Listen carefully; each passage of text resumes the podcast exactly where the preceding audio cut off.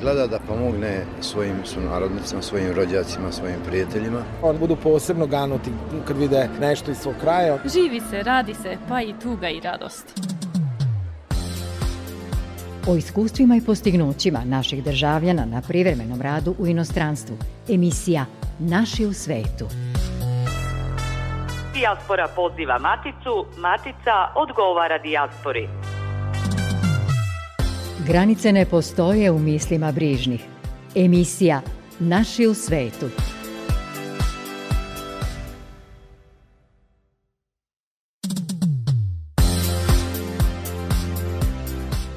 Dobroveče, dobrodošli u emisiju koja spaja Maticu i rasejanje. U narednih pola sata sa nama će biti Aco Dragićević iz Stokholma, nagrađivani pisac i osnivač portala Diaspora. Čućete i kako je protekla poseta patrijarha Porfirija našoj zajednici u Americi. Sa vama su za tonskim pultom Nevenka Ćuk, a pred mikrofonom Goran Pavlović. Kulturno-prosvetna zajednica Srbije juče je uručila 59. Vukove nagrade na svečanosti u predsedništvu Srbije, pred zvanicama iz kulturnog, verskog i političkog života naše zemlje i dijaspore. U Privrednoj komori u Štutgartu 4. i 5. februara održana je velika investiciona konferencija čiji je osnovni cilj da poveže uspešna preduzeća iz Srbije sa privrednim preduzećima iz dijaspore. A slična konferencija priprema se i u Americi, potvrdio je ambasador Marko Đurić koji je pozvao našu dijasporu i investitore u Americi i Srbiji da im se pridruže 18. februara u Vašingtonu. Direktor Uprave za saradnju sa dijasporom i Srbima u regionu Arno Gujon naglašava da je srpska nacionalna manjina u Albaniji veoma važna matici. Od četiri srpska udruženja koje postoje u toj zemlji danas radi samo jedno, srpsko-crnogorsko Morača Rozafa iz Skadra. Kako bi podržali rad i funkcionisanje naših udruženja, Gujon kaže da će za Srbe iz Albanije, kojih ima oko 30.000, uprava raspisati poseban tematski konkurs. Svetosavski bal, tradicionalni bal srpske zajednice u Beču, održava se večeras, a prvi put u prestižnoj Hofburg dvorani, među 14 najvećih bečkih balova. Na Svetosavskom balu pleše se valcer, ali i igraju naše stare gradske igre, slušaju se operske arije i afirmiše savremena pop muzika. Svetosavski bal naše zajednice u Austriji odvija se u Carskoj palati Hofburg u čak šest svečanih sala. Vežu nas događaj, misli, kultura i tradicija. Emisija Naši u svetu – U Kraljevini Švedskoj prema nekim procenama živi više od 200.000 ljudi poreklom sa prostora nekadašnje Jugoslavije. Veliki broj naših ljudi se iseljavao u Švedsku tokom ratova 90. godina kada su mnogi mirnu luku potražili širom Evrope. U poslednjih 30 godina osnovana su mnoga srpska udruženja i savezi koji su za cilj imali očuvanje identiteta i povezivanje i udruživanje naših ljudi radi uspešnijeg opstanka u rasejanju. Sve te aktivnosti u kulturi kulturi, sportu i obrazovanju beležili su novinari naših medija, kako u Matici, tako i u dijaspori. Vraćamo se u zemlju sa početka naše priče, u Švedsku. Sa nama je večeras sa severa evropskog kontinenta sunarodnik koji je rođen u mestu Prebilovci u Hercegovini, a od 90. godina se nalazi u Švedskoj, Aco Dragićević. Želim vam dobrodošlicu u emisiju Naši u svetu Radio Novog Sada. Hvala vam i srdačan pozdrav slušalcima Radio Novog Sada iz Skandinavije, iz Štokholma. Mi smo kolege, vi ste pre odlaska u Švedsku radili na Radio Čapljini u nekadašnjoj zajedničkoj državi Jugoslaviji, novinarsko i uredničko iskustvo koje ste imali od 70. godina prošlog veka i verujem neki osjećaj za zajedništvo i dobrotvorni rad u javnom interesu vas je zadržao u novinarstvu, pa ste vremenom osnovali dvojezični časopis i internet portal za kulturu Dijaspora u Švedskoj. Radna i životna biografija čoveka koji je ušao u osmu deceniju nije mala i veoma je sada teško u jednom radijskom intervju ispričati sve što bi bilo interesantno našim slušalcima, ali ono što za početak želimo da znamo jeste kako se dogodila, gospodine Dragićeviću, baš Švedska. Pa srećna je okolnost da se dogodila Švedska, ova srećno i lijepo uređena zemlja. a dogodila se zbog toga što je ovdje živio i radio brat moje supruge i onda je on došao po familiju i koji je obezbijedio u Švedskoj izbjeglički status, a ja sam došao 1994. godine na osnovu švedskog zakona o spajanju sa porodicom. Koja su to dragocena iskustva dok ste radili kao radijski novinar doprinela da se lakše prilagodite u Švedskoj i koje to osobine poseduje jedna ličnost poput vas, koji ste ne samo savladali tamošnji način života, već ste u toj sredini i uspeli? Pa da ne bi sada ja posjećao na Andrićeve riječi koji je rekao da u svakom Hercegovcu čuči po jedan pisac, reći ću da su Hercegovci navikli sa upotrebom riječi i da budu odgovorni sa upotrebom riječi i vjerujem da mi je to pomoglo da sa ljudima gradi uspješno komunikaciju i razgovor koji je objavljivan na radiju, a prihvaćan od slušalaca radio Čapljine. Kako je došlo do osnivanja časopisa i internet portala na srpskom i švedskom Diaspora? Koliki je bio tiraž i kako danas funkcioniše i koliko su vam švedske institucije pomogle u tom začetku? Na početku, kako sam rekao da je Švedska srećno i lijepo uređena zemlja, kad sam naučio švedski jezik, onda mi je bila obaveza da se javim na biro rada.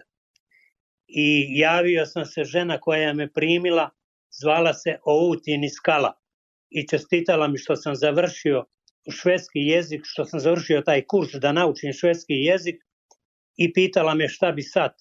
Odgovorio sam joj, ja znam šta bi ja htio raditi, ali sam svjesan da moj švedski nije toliko kvalitetan da ja mogu pokucati na vrata lokalne novine i tražiti posao novinara ili lokalnog radija, što bi bilo još teže.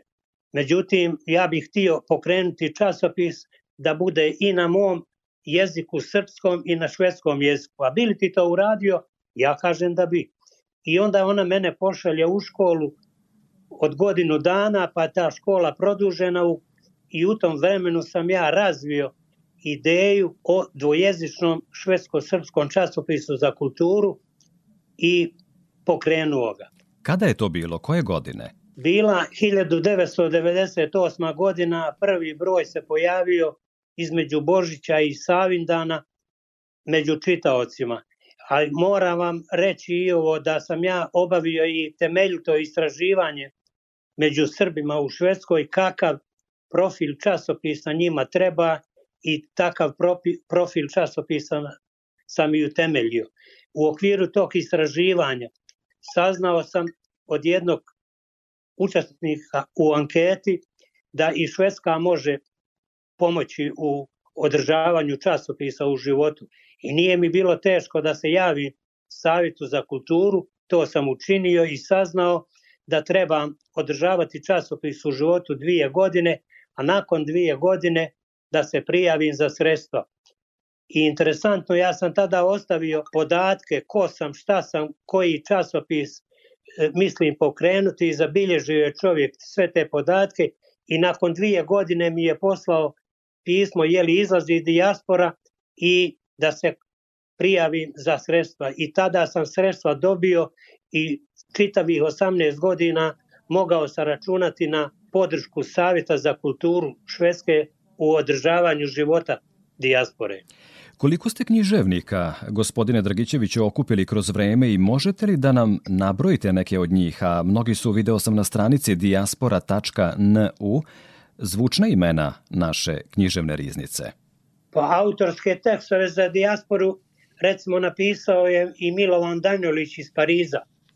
Redovno se na stranicama dijaspore pojavljivao Zvonimir Popović, pisac naših korijena koji živi ovdje i objavljuje na švedskom jeziku objavljena je i pjesma švedskog pjesnika, a grčkog porijekla Kalifatidisa. Puni pet godina Dragan Lakićević slavo je pisma iz otačbine koje je dijaspora objavljivala i koja su bila veoma čitana. Zapravo to je bilo prvo što su čitaoci dijaspore čitali. Objavljeni su i razgovori sa Miodragom Pavlovićem koji je gostovao u Švedskoj, sa Aleksandrom Gatalicom, Milosavom Popadićem koji živi u Švedskoj, a bio je urednik Sarajevske svjetlosti, sa Neđom Šipovcem, Jovanom Radulovićem. Autorski tekst objavili su i Marko Milunović i Vuk Cerović, Milorad Pavić, Aleksandar Gatalica, Novica Đurić iz Crne Gore i brojni drugi.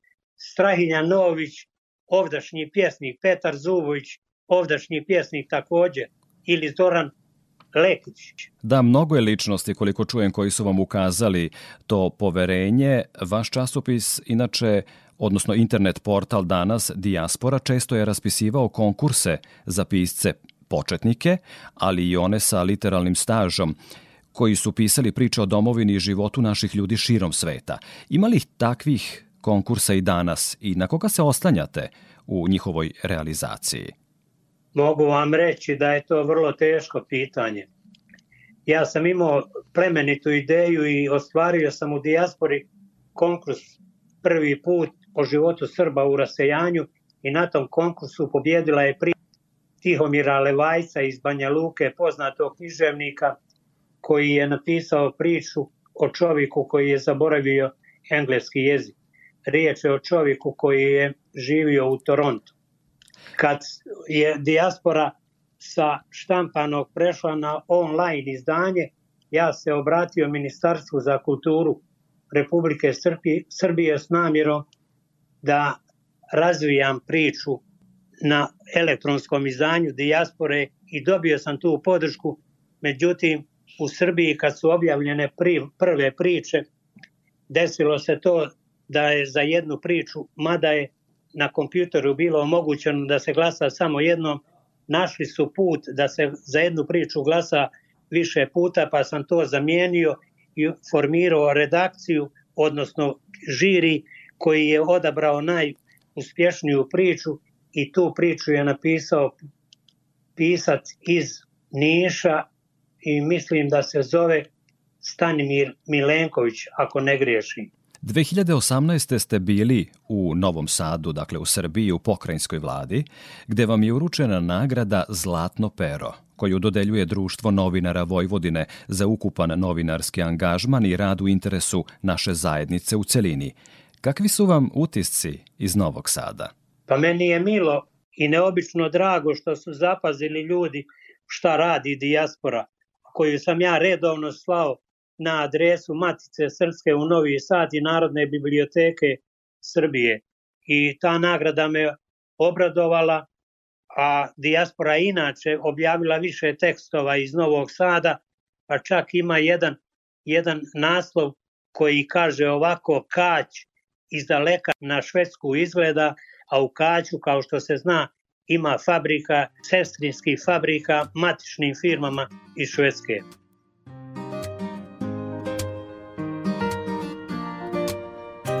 Noći nebo zemlji se na grudi spustilo. Ti lako si me prodao, al me nisi pustio. Ako ti život nije lep Ti kao nekad podvi rep Ali ja iz ove priče Izlazim. Ljubavi moja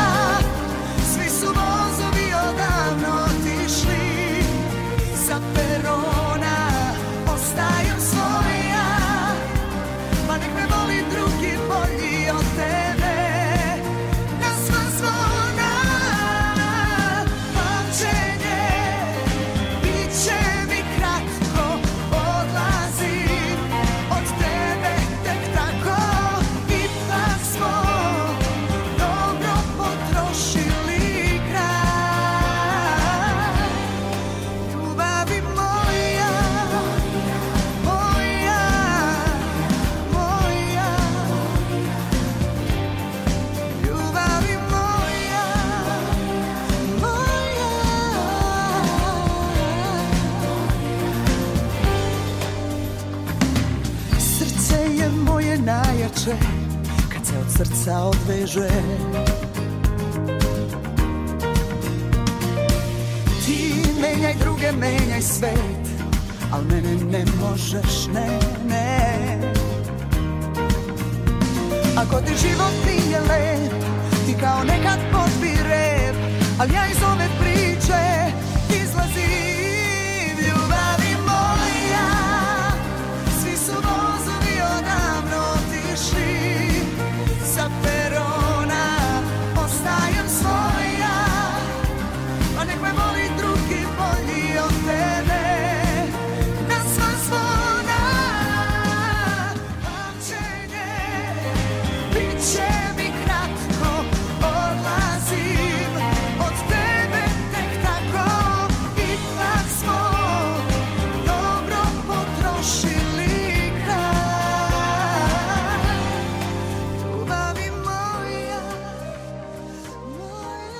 Emisija Naši u svetu. Nastavljamo razgovor sa Acom Dragićevićem, sunarodnikom u Švedskoj, urednikom internet portala diaspora.nu. U prvom delu razgovora slušali smo o poreklu i snalaženju našeg sagovornika u Švedskoj. Nije samo pomenuti internet portal mesto na kom su ovekovečeni podaci o našoj zajednici i kulturi, jedna knjiga sa 300 stranica donosi priloge 30 srpskih i švedskih autora o životu Srba u rasejanju i njihovoj vezi sa otačbinom i otačbinskim zemljama. Naziv knjige je Saputnik i sabesjednik, autora na našoj telefonskoj liniji Aca Dragićevića. Vaša knjiga je, gospodine Dragićeviću, video sam promovisana i u kulturnom i duhovnom centru Sveti kralj Milutin u vašim rodnim prebilovcima. Knjiga je praktično sabrano delo, podeljeno u pet celina. Pa to je zapravo zbornik radova značajnijih tekstova objavljeni u dijaspori. I to je, drugi to kažu, izuzetno vrijedna knjiga i vrijedna čitanja i upoznavanja kako pulsira srpska dijaspora. Mnogi su pisali o svojim korenima, dakle o mestu porekla, o svojoj zajednici, međutim ima i onih koji su pisali o zahvalnosti Švedskoj i Šveđanima koji su im otkrili drugi dom, odnosno domovinu, zar ne? Svakako, jedan od naslova u dijaspori Hvala Švedskoj što postoji. To je napisao Predrag Dragosavac nakon što je temeljito upoznao Švedsku i nakon što se upoznao sa dijasporom i sa mnom lično. Međutim, život Srba u Švedskoj je neobično velika i vrijedna priča. Mogu bi reći, napisani su romani, samo i životni romani, samo i treba preslušati i zabilježiti. Reći ću vam da u gradu Nibro postoji nadgrobni spomenik duša Bogu tijelo Švedskoj, srce Srbiji, a to je napisano u spomen na Milivoja Čiču. Ili živio život Branislav Tešanović, priča o čovjeku koji je umro u Švedskoj i u svojom, svojoj sobi u dnevnom boravku ležao tri godine i osam mjeseci, a sve to vrijeme bilo je svjetlo uključeno i radio svirao. Vratit ćemo se na tu priču nešto kasnije. Prihod od prodaje vaše knjige Saputnik i sabesjednik išao je, video sam, za opremanje biblioteke u Prebilovcima, dakle vašem rodnom mestu, koji su danas u Federaciji BiH. Ja često mislim na zavičaj, a jedan od tekstova je, im, koje sam ja napisao nosi naslov Tamo nisam, a ovdje me nema. I stalo mi je bilo da se novina pojavljuje u prebilovcima i da se knjiga pojavi u prebilovcima i to se učinilo. Pretpostavljam da znate, gospodine Dragićeviću, za svojevrstan katalog srpskih biblioteka u inostranstvu, među kojima je i ona sunarodnika Đorđa Nikolića u Čikagu, koja ima blizu 10.000 knjiga i koja važi za najveću privatnu srpsku biblioteku u dijaspori. Meni je to poznato i bio sam u kontaktu sa Đorđem. Dijaspora je objavila to plava knjiga kao plavo nebo. Riječ je o plavom izdanju Srpske književne zadruge. Sličnu ediciju kao što ima Đorđe Nikolić imao je ovdje Marko Milunović koji je stranstvovao 62 godine i upokojio se ovdje u Švedskoj. Sve svoje knjige poklonio je našem manastiru koji se nalazi na jugu Švedske. Zatim ovdje ima biblioteku, čitavu biblioteku od 3000 bibliotečkih jedinica, Nedjeljko Radovan, Radovanović iz Esklistune i od njega je vrlo interesantna priča kako je otkrio čitajući Crnančkog i jezero kod Esklistune, a on živi pored tog jezera. Ili u zavičajnoj knjizi o svome mjestu prijevorcu Herceg Nov, kod Herceg Novog pročitao je da se njegov komšija Todor Škobalj nakon rata obreo u Švedskoj i bilo mu je potrebno samo 30 sekundi da pronađe adresu, broj telefona Todora Škobalja i da se druže ostatak vremena. To je nevjerovatna priča koja govori u stvari o Švedskoj i njenom nivou organizovanosti. Jedna priča koja se indirektno vezuje i za vas je priča o jednom drugom sunarodniku koji je preminuo sam u svom stanu u Stokholmu. Malo pre ste, čini mi se, pominjali baš taj događaj, a njegova smrt je ostala nezapažena duže od tri godine. Kada je otkrivena, počinje istraživačka drama o tome ko je bio pokojnik, za koga se znalo da potiče sa jugoslovenskih prostora i imali ikoga živog u familiji. U tu ste se istragu uključili i vi, gospodine Dragićeviću, do kakvih se saznanja došlo i na šta je sve spreman jedan čovek poput vas u želji da pomogne? Pa bilo je to u vrijeme kada je Peteru Handke uručena Nobelova nagrada i kada je e, bilo protesta što mu se dodjeljuje ta nagrada. Na jednoj strani su bili Bošnjaci, a na drugoj strani su bili Srbi. I naravno bio sam prisutan e, tamo i sa kolegom Predragom Dragosavcem sam bio na kafi u biblioteci, a zanimljivo je da je u Švedskoj ima uz biblioteke i kafana da se može uzeti kafa i čitati knjiga i on meni kaže za tu vijest, a ja sam tek došao bio iz Hercegovine. I njegova je sumnja bila da je Jugosloven. I ja kažem to ćemo provjeriti i onda sam se ja dao na posao da istražim to i saznao sam da je riječ o Branislavu Tešanoviću koji je rođen u opštini Bratunac u današnjoj Republici Srpskoj, a ondašnjoj Bosni i Hercegovini. Savremen način života kada se juri za poslom, karijerom, kada se prepuštamo digitalnim kontaktima, a najmanje onim ličnim, donosi otuđenje među ljudima čini mi se u celom svetu.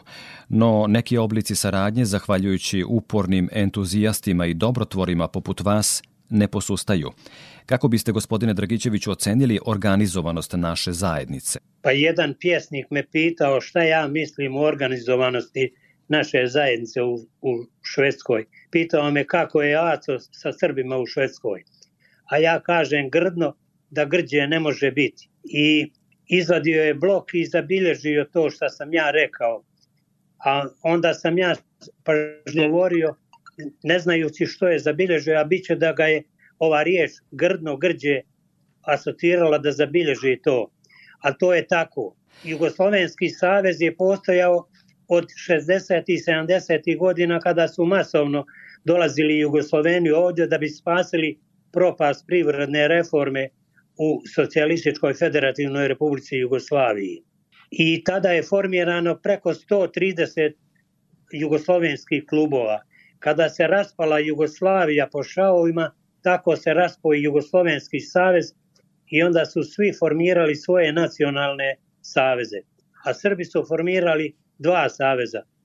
Savez Srba, odnosno Srpski savez i sve Srpsko-Jugoslovenski savez da bi kasnije prerasli u Savez Srba. I sad imamo dvije nacionalne organizacije, Srpski savez i Savez Srba.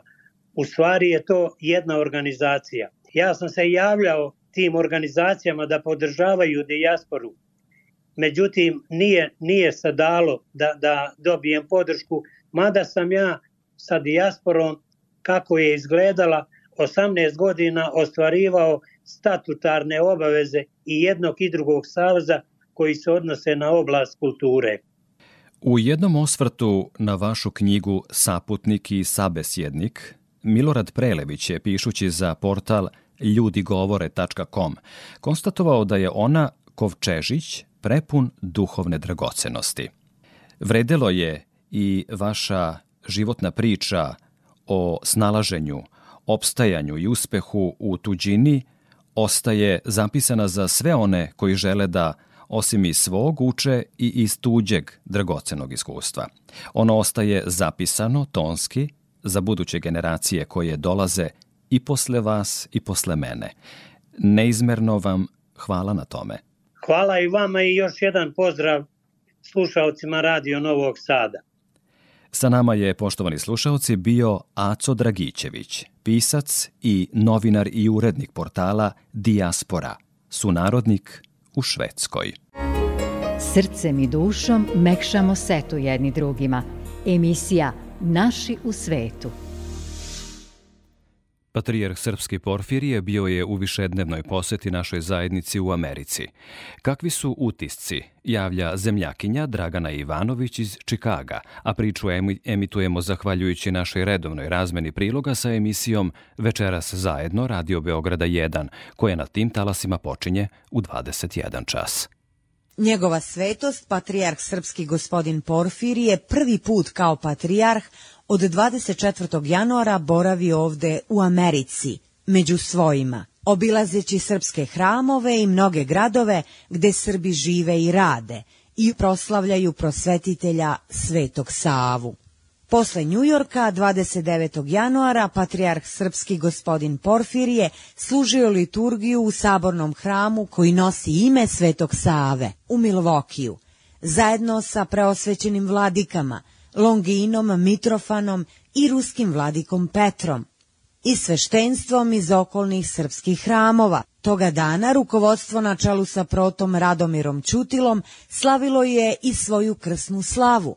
Patrijarh je obavio sečenje slavskog kolača. Nadahnute reči patrijarha Porfirija pobudile su veliku pažnju. Izdvajamo deo iz besede upućen nama koji živimo ovamo daleko. Gde god jesmo svetosavci, to je pravoslavni hrišćani, dotle će svaka tačka zemlje kugline biti naša otačbina. Otuda i vi, braćo i sestre ovde, jeste svoji na svome, jer ste sa Svetim Savom i On je sa vama. Otuda možete bez problema da se integrišete u ovu zemlju koja je zemlja mogućnosti, otvorena za one koji hoće da se trude, da rade, da rade na sebi. Zato ste potpuno integrisani, ali u isto vreme se ne osjećate da ste izgubljeni. Da ste odustali od sebe. I ne samo to, nego iako ovde vi obogaćivani onim što vam ova zemlja pruža, zasigurno i vi nju svetim savom, svojom pravoslavnom verom, svojim identitetom, sobom obogaćujete.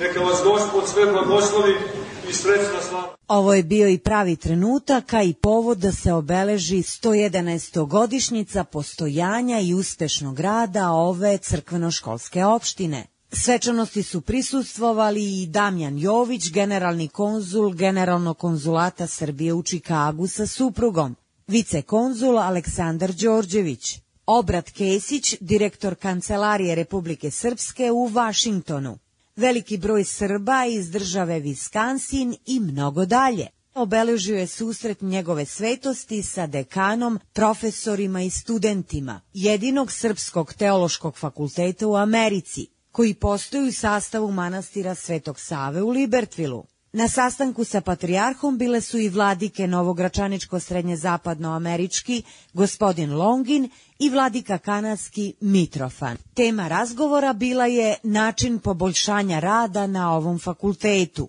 Služeći jutarnju liturgiju u manastiru Svetog Save u Libertvilu, baš tu gde su mošti našeg vladike Mardarija, molitve postaju uzvišenije. Obraćajući se prisutnima, patrijarh je istakao veliki značaj vladike Mardarija.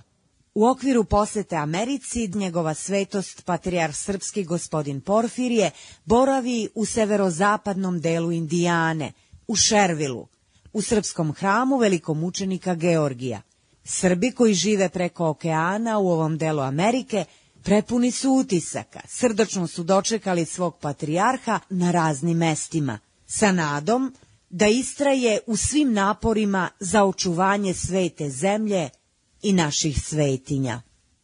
Srdačan pozdrav svima koliko vas na ovim radiotalasima ima. Iz Čikaga, Dragana Ivanović. Poštovani slušalci, hvala što ste proteklih pola sata pratili naše priče iz dijaspore. Emisiju možete slušati odloženo na sajtu rtv.rs, a sve dodatne informacije u vezi sa emisijom potražite na Facebook stranici Naši u svetu RTV. Želimo vam prijatno veče.